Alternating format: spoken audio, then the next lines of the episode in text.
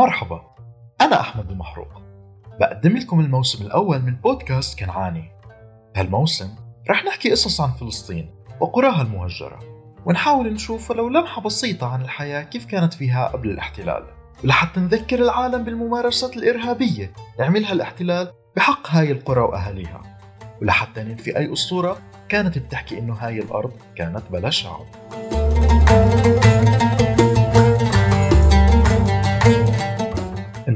بمشوارنا من السهل الساحلي الأوسط لفلسطين بالضبط من قرى قضاء يافا. ومن بعدها اتجهنا شمالا ومرينا على قرى من قضاء حيفا وبعدين قضاء عكا. ولما وصلنا الجليل والحدود اللبنانية صرنا نتجه شرقا وعرجنا على كم قرية بقضاء صفد واليوم رح نروح على الجليل الأسفل قضاء طبرية ومحطتنا حتكون قرية لوبيا.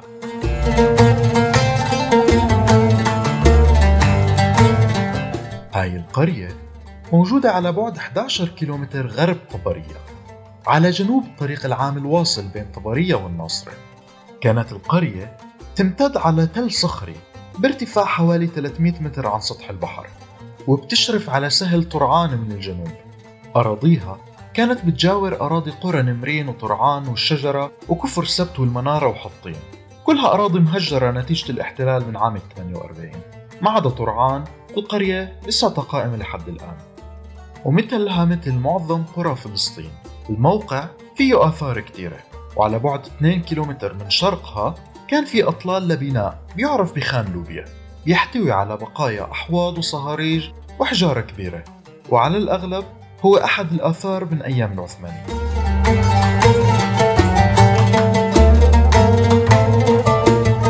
والقرية موجودة بموقع استراتيجي مهم وانذكرت بالعديد من كتب التاريخ. فمثلا بعام 1187 حط صلاح الدين جيشه جنب هالقرية قبل ما يخوض معركته الشهيرة حطين اللي انتصر فيها على الصليبيين. وبهاي القرية توفى سليمان باشا والي دمشق واللي كان بطريقه لحتى يحارب الظاهر عمر حاكم فلسطين الشمالية بهديك الفترة.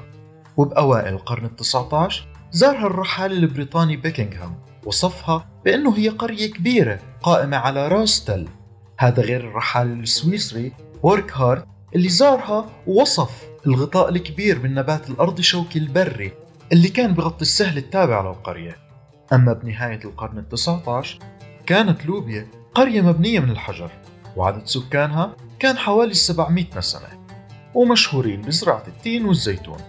هذا غير قمحة اللي كان صيته واصل لآخر الدنيا.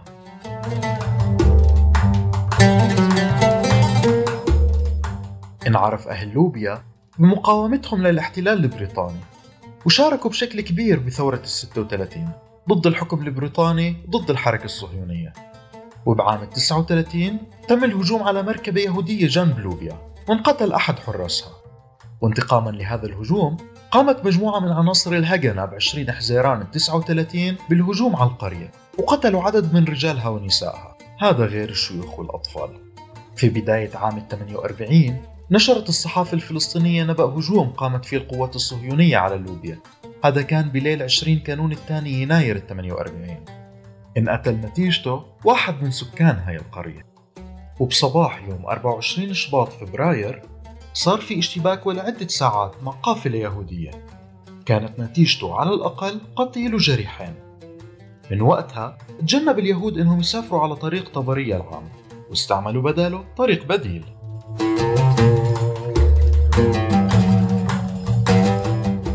وبأوائل آذار مارس عام 48 صار في هجوم تاني.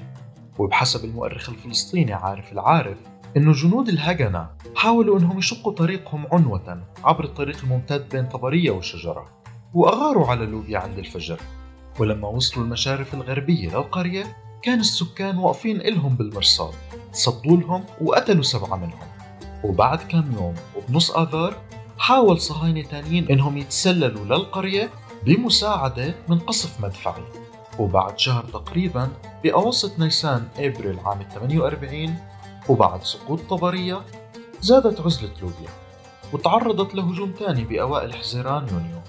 هذا الهجوم كان بيهدف لاحتلال القرية لكنه باء بالفشل واضطر الصهاينة إنهم ينسحبوا بعد ما فقدوا 21 من جنودهم.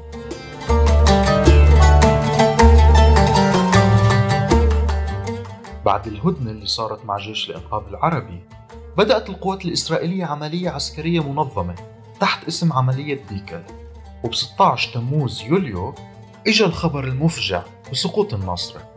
هذا الخبر أثار الذعر بنفوس سكان القرية. خصوصي بعد ما صاروا بعزلة تامة وخافوا من انفراد القوات الإسرائيلية فيهم. خصوصا بعد ما طلبوا معونة عسكرية وما إجتهم ولهيك أغلبهم طلع باتجاه نمرين وعيلبون ومن بعدها على لبنان.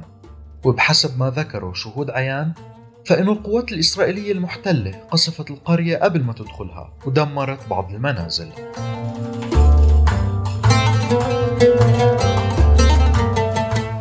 ولحتى يغطي الصهاينة أعمالهم الوحشية ويلبسوا قناع الرجل الطيب زرعوا موقع القرية وحولوها لغابة سموبر وسموها لفي تحريفا للوبيا.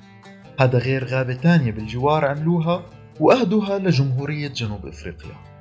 حطام بيوت أهل لوبيا لساته متناثر بين أشجار الصنوبر والمقبرة كمان إضافة لبعض أشجار القرية الأصلية اللي زرعها سكانها وأهاليها مثل شجر الزيتون والرمان والتين والتوت وحتى الصبار. هذا غير آثار آبار المياه اللي كان بيستخدمها السكان الأصليين. هاي كلها آثار على همجية الاحتلال اللي ما اكتفى بتهجير القرية بل دمروها كمان. يمكن صار معظم سكان القرية اليوم مشتتين بمخيمات اللجوء بسوريا ولبنان وباقي الدول العربية. لكنهم من ال 48 وحتى اليوم كل يوم عم يكونوا أكثر يقينا إنه اقتربوا من يوم العودة مش لإشي غير لأنه وعد رباني وكل أهل فلسطين مؤمنين فيه.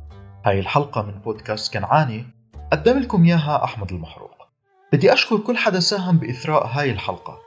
ما بنسى أشكر طبعا الفنان الفلسطيني نزار روحانا واللي عم يأدي لنا الموسيقى اللي عم ترافقنا طوال حلقات هذا الموسم واللي هي من أغنية يا رايح صوب بلادي للفنان اللبناني أحمد قعبور. وإذا عجبتكم هاي الحلقة يا ريت تدعمونا بالإشتراك والتقييم وتشاركوها مع أصحابكم ومعارفكم وتعرفوهم على المحتوى اللي بنقدمه بهذا البودكاست. شكرا للاستماع ونلقاكم ببودكاست كنعاني جديد. يا رايح صوب بلادي دخلك وصي السلام بلغ أهلي وولادي مشتاق لهم رب الحمام.